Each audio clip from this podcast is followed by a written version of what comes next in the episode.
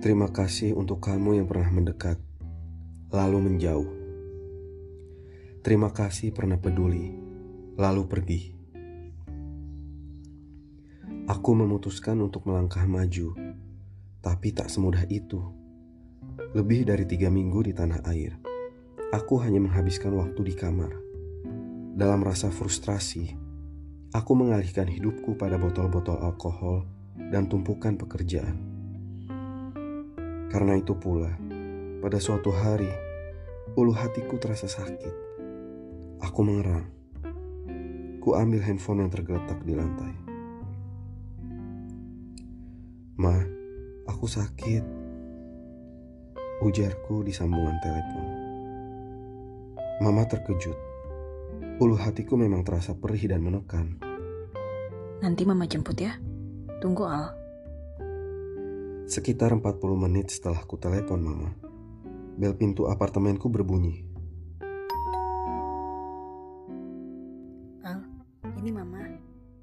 Ujar sumber suara di balik pintu.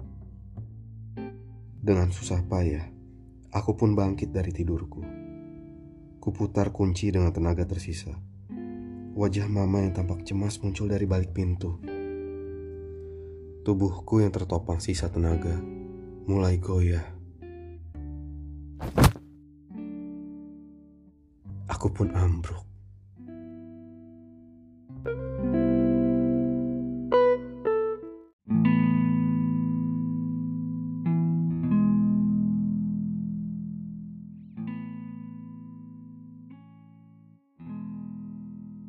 Pandanganku agak rabun saat membuka mata. Perlahan, Bayang-bayang yang samar itu mulai tampak lebih tegas. Kulihat punggung tangan kananku yang sudah tertusuk infus. Ada papa yang duduk di sofa tepi kamar. Lalu, mama yang duduk di samping aku tidur pun menyapa. Al, sudah bangun. Aku hanya mengangguk. Kuubah posisiku dari terlentang untuk sedikit tegak. Rasa mual masih sedikit kurasakan. Kuraba ulu hatiku. Tak ada rasa sakit sehebat kemarin. Yang kuingat hanya wajah mama sebelum semuanya gelap.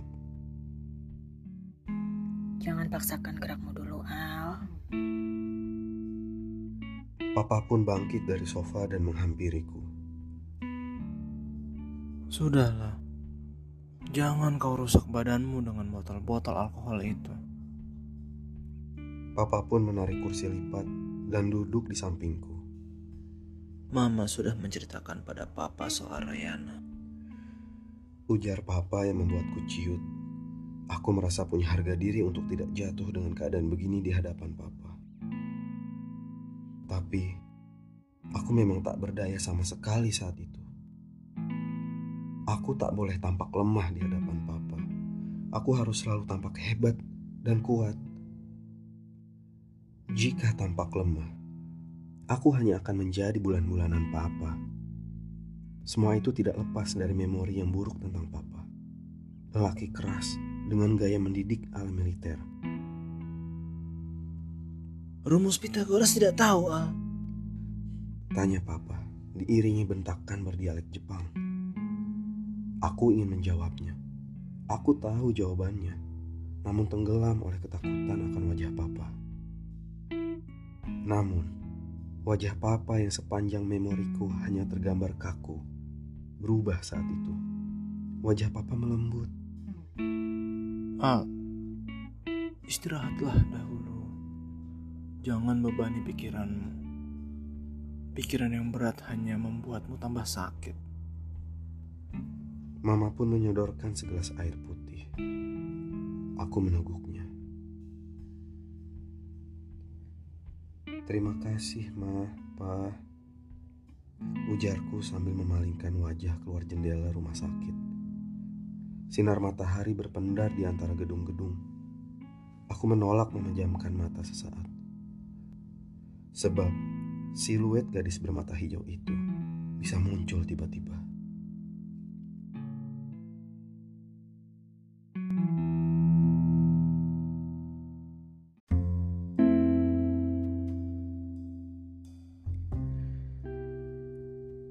Saat SMP, aku pernah melihat mama berada di ruang keluarga. Ia terlihat sibuk membersihkan sesuatu dengan lap setengah basah. Oh, sebuah album kenangan yang berisi foto-foto lama. Foto apa itu, Ma? Tanyaku sambil mendekatinya. Ini foto keluarga besar Mama. Ujar Mama sambil membolak-balikan halaman album. Mama berasal dari keluarga yang sederhana, Al. Hidup Mama bekerja keras dan berjuang. Dari foto-foto itu, aku bisa melihat banyak hal. Sebuah foto buram, hitam putih, dan di sisi kertas fotonya tampak berjamur. Nuansa budaya Tiongkok begitu terlihat dari latar foto itu pada masa itu menunjukkan identitas diri sebagai seorang peranakan Tiongkok secara berlebihan tidak sebebas hari ini. Semuanya akibat persoalan politik. Namun, Mama tumbuh di sebuah komunitas yang melestarikan kebudayaan leluhurnya dengan teguh. Sebuah komunitas yang diberi nama Cina Benteng yang berada di kawasan Tangerang. Keluarga besar Mama adalah keluarga yang hangat dan bersahabat dibesarkan dari komunitas marginal, membuat keluarga mama menjadi luas dalam berinteraksi dengan lingkungan di luarnya yang lebih besar. Kondisi yang kemudian menular pada karakter mama. Di mataku, mama adalah oase bagi keluarga kami. Karakter mama berbeda dengan papa.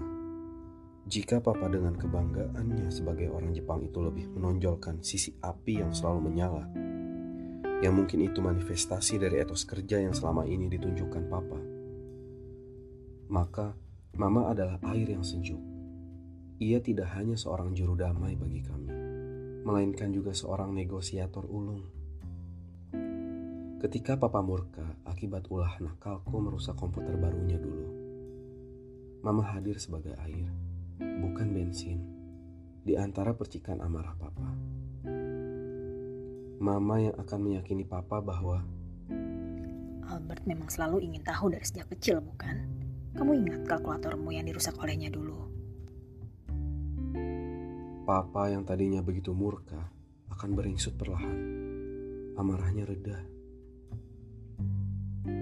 Saat kami sekeluarga tinggal di Belanda, karena papa ditempatkan oleh kakekku di perusahaan perwakilan di negeri kencir angin itu.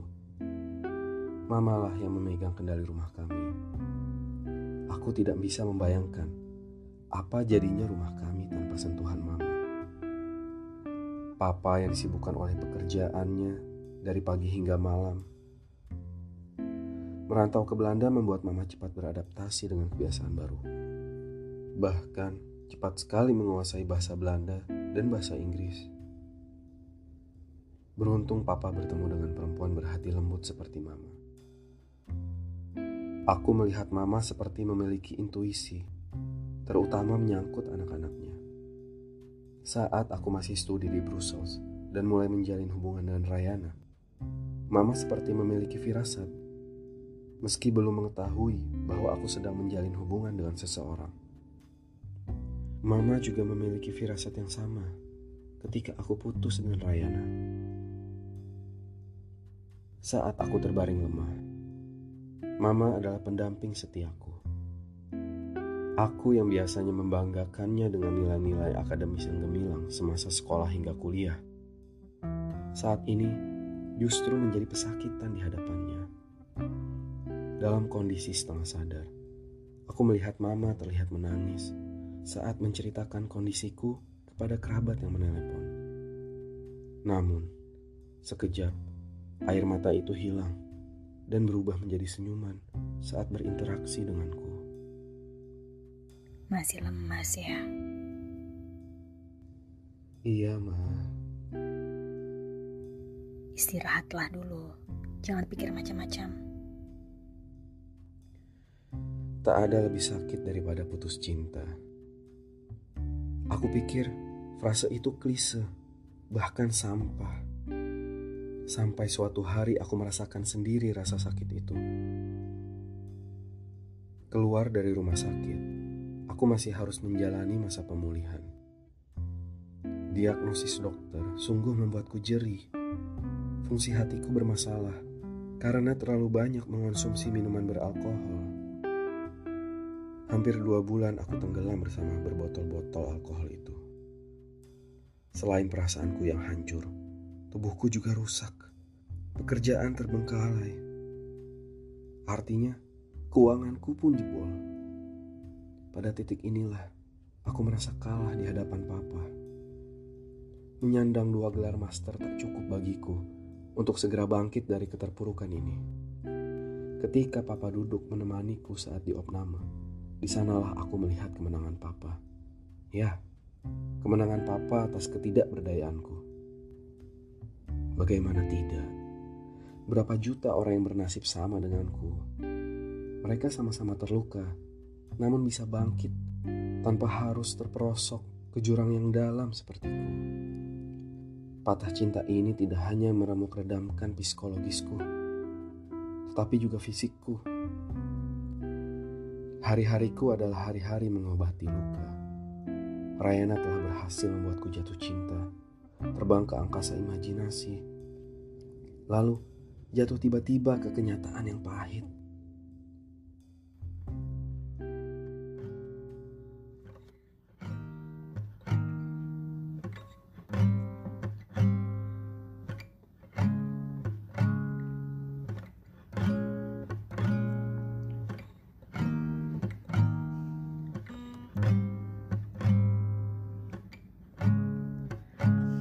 Without you. Can't help myself. How does it feel to know that I love you, baby? I'm lost without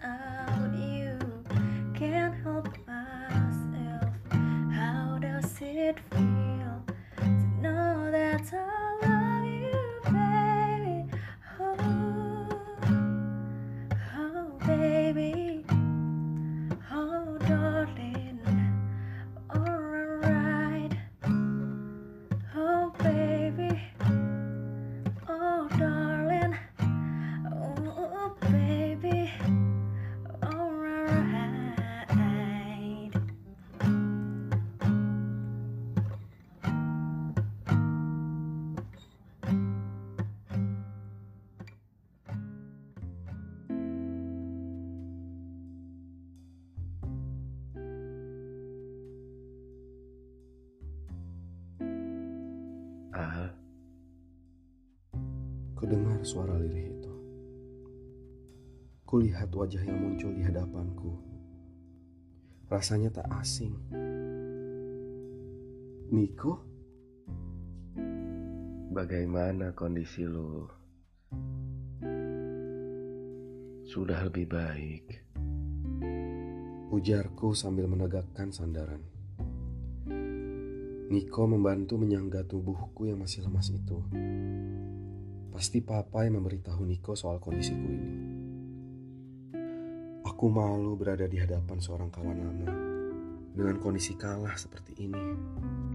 Bukankah ketika terakhir kali bertemu, aku berjanji akan pulang dengan memamerkan kegemilangan. Kini, aku tidak hanya kalah, melainkan hancur lebur. Sorry, lu ketemu gue dalam kondisi begini. Aku melihat kesedihan di matanya. Kenapa minta maaf, Al? Gue pikir menjadi master di bidang robot dan mobil listrik cukup menjadi modal untuk menepuk dada saat kembali ke tanah air. Ujarku sambil menahan sedikit rasa nyeri di ulu hati. Ternyata cukup sebaris SMS, maka semua raihan yang gue dapat hancur semuanya. Kulihat wajah Niko yang iba sambil memandangiku dengan penuh sendu. Papa yang ngasih tahu lo ya. Niko pun mengangguk.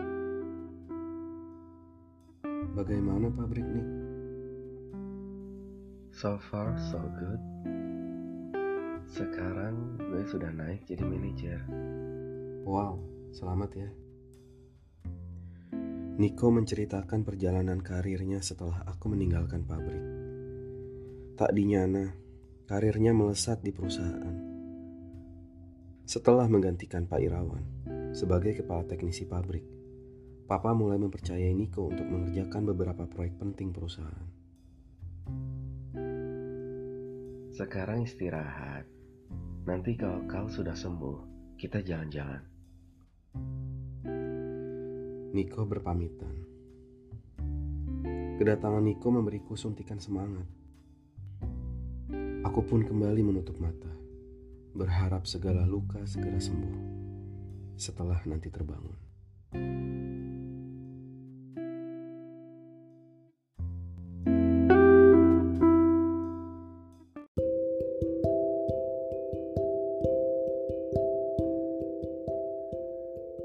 Masih harus menjalani pengawasan dokter meski masih dalam masa pemulihan. Cobalah datang ke pameran seni. Saran dokterku. Ia bukan psikiater, melainkan internis. Namun pengalamannya bertemu dengan banyak pasien mungkin membuatnya belajar tentang jiwa manusia. Tentu saja itu hanya alternatif saran. Halbert, kesembuhanmu tidak bersumber dari ini. Ujarnya seraya menunjuk kotak obat-obatan di hadapannya. Tapi dari ini, hati dan pikiran. Lanjutnya sambil menunjuk dada dan keningnya. Awalnya, aku sama sekali tidak tertarik dengan saran si dokter untuk menyegarkan pikiran dengan melihat pameran seni atau apa pun yang menghibur. Hingga tanpa sengaja, aku membaca sebuah majalah, berita mingguan. Kulihat artikel yang mengulas tentang pameran seni lukis dari pelukis ternama, Handiono. Begini tulis artikel itu. Handiono, 65 tahun, telah berdamai dengan dirinya melalui goresan lukisan berjudul Seekor Naga di Puncak Sepi. Hidupnya penuh dengan kenangan pahit. Pelukis asal Jogja ini pernah merasakan perihnya menjadi tahanan politik di salah satu gulag legendaris Indonesia, Pulau Buru. Ia pergi ke Pulau Buru meninggalkan kekasihnya, rumah dan segala harta bendanya ludes. Lukisan seekor naga di puncak sepi adalah manifestasi hidupnya hari ini. Saya harus sembuh dari luka batin yang berkepanjangan. Lukisan ini meninggalkan kesan yang mendalam bagi saya karena menjadi semacam penawar luka. Dalam artikel itu juga tertera sebuah foto lukisan yang dimaksud. Seekor naga hitam yang terpekur di antara pegunungan. Artikel itu sungguh menggerakkanku untuk mendatangi pamerannya di salah satu galeri ternama Jakarta. Aku penasaran untuk menguji daya magis lukisan itu untuk mengubah seseorang. Saat tubuhku sudah bisa berkompromi untuk diajak beraktivitas, aku mendatangi galeri yang memamerkan lukisan itu di Galeri Nasional.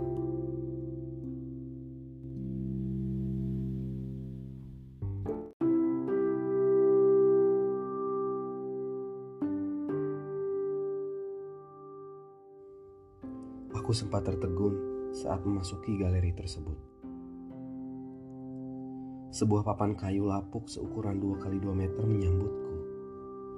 Di atasnya ada sebuah tulisan hitam yang pudar. Di sana tertulis, Berdamailah dengan diri sendiri sebelum berdamai dengan semesta. Tulisan yang langsung mengena padaku. Aku pun berkeliling menikmati lukisan demi lukisan karya Maestro Handiono di galeri itu. Gambarnya perpaduan antara realisme dengan tema surrealisme. Goresannya pada wajah manusia atau hewan tampak sempurna sampai aku menemukan lukisan yang diulas oleh majalah yang kubaca beberapa waktu sebelumnya. Seekor naga di puncak sepi. Aku kagum pada bentuk naga yang dilukis Handiono itu. Naga yang lazim tergambar dalam lukisan-lukisan bergaya Tiongkok. Namun, nuansa gunung hingga latar pepohonan dan sawahnya adalah kemolekan khas Indonesia. Aku mengamati lukisan itu agak lama. Lukisan ini saya buat selama hampir dua minggu di studio. Ujar lelaki bersuara serak di belakangku tiba-tiba. Aku terkejut.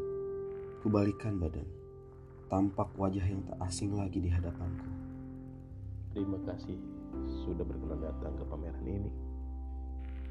Ia pun menjulurkan tangan, lantas memperkenalkan diri. Aku pun bergegas menyambut uluran tangannya. Lukisan Bapak sungguh indah. Jangan melihat lukisan dari keindahannya, tapi juga mengerti maknanya. Indah saja tidak cukup. Harus ada unsur jelek yang mengancam. Hidup juga harus begitu. Ada yang baik dan ada yang jahat. Seekor naga ini bisa dimaknai sebagai kebaikan, tapi juga kejahatan. Tergantung sudut pandang mana yang ingin Anda pilih. Ujar pelukis itu padaku. Aku tertegun mendengar tafsirnya yang dalam dan filosofis itu. Mengapa saya memilih naga? Karena sosoknya bisa ditafsirkan sebagai simbol kebaikan, tapi juga kebinasaan. Tergantung dari sudut mana Mas memilihatnya. Saya memilih naga ini sebagai manifestasi perdamaian dalam hidup saya. Saya membaca sebuah artikel tentang perjalanan hidup Bapak. Sungguh hebat, Bapak bisa berdamai dengan semua yang sudah Bapak hadapi. Saya tidak hebat, Mas Albert. Saya memilih bertahan dan berdamai karena merasa yakin banyak hal yang masih bisa saya kerjakan di dunia ini daripada harus menyerah dari masa lalu. Melukis salah satunya. Saya datang ke pameran ini juga karena dorongan yang sama, Pak. Berdamai dengan masa lalu saya. Anda sedang patah hati rupanya. Aku mulai berpikir, jangan-jangan si pelukis tua ini punya semacam kemampuan cenayang. Ya, kira-kira begitu, Pak. Aku pun termenung. Ia meminta izin untuk beranjak sejenak. Pelukis itu menjauh dariku dan menghilang di antara sudut ruangan pameran. Aku masih terdiam memandangi lukisan naga itu. Tiba-tiba bayangan Rayana kembali muncul. Gadis sialan. Nyahlah. Aku menutup mata. Mas Albert, Ku cari asal suara itu. Ia melambaikan tangan dari kejauhan, memintaku menghampirinya. Aku pun mendekatinya. maaf. Saya mengganggu Mas Albert yang sedang khusus sekali. Ini buku sketsa milik saya. Saya biasa coret-coret di sini sebelum menuangkan ke kanvas. Ia menyodorkan sesuatu. Saya berikan ini untuk Mas. Serius ini, Pak? Apa saya terlihat main-main, Mas Albert?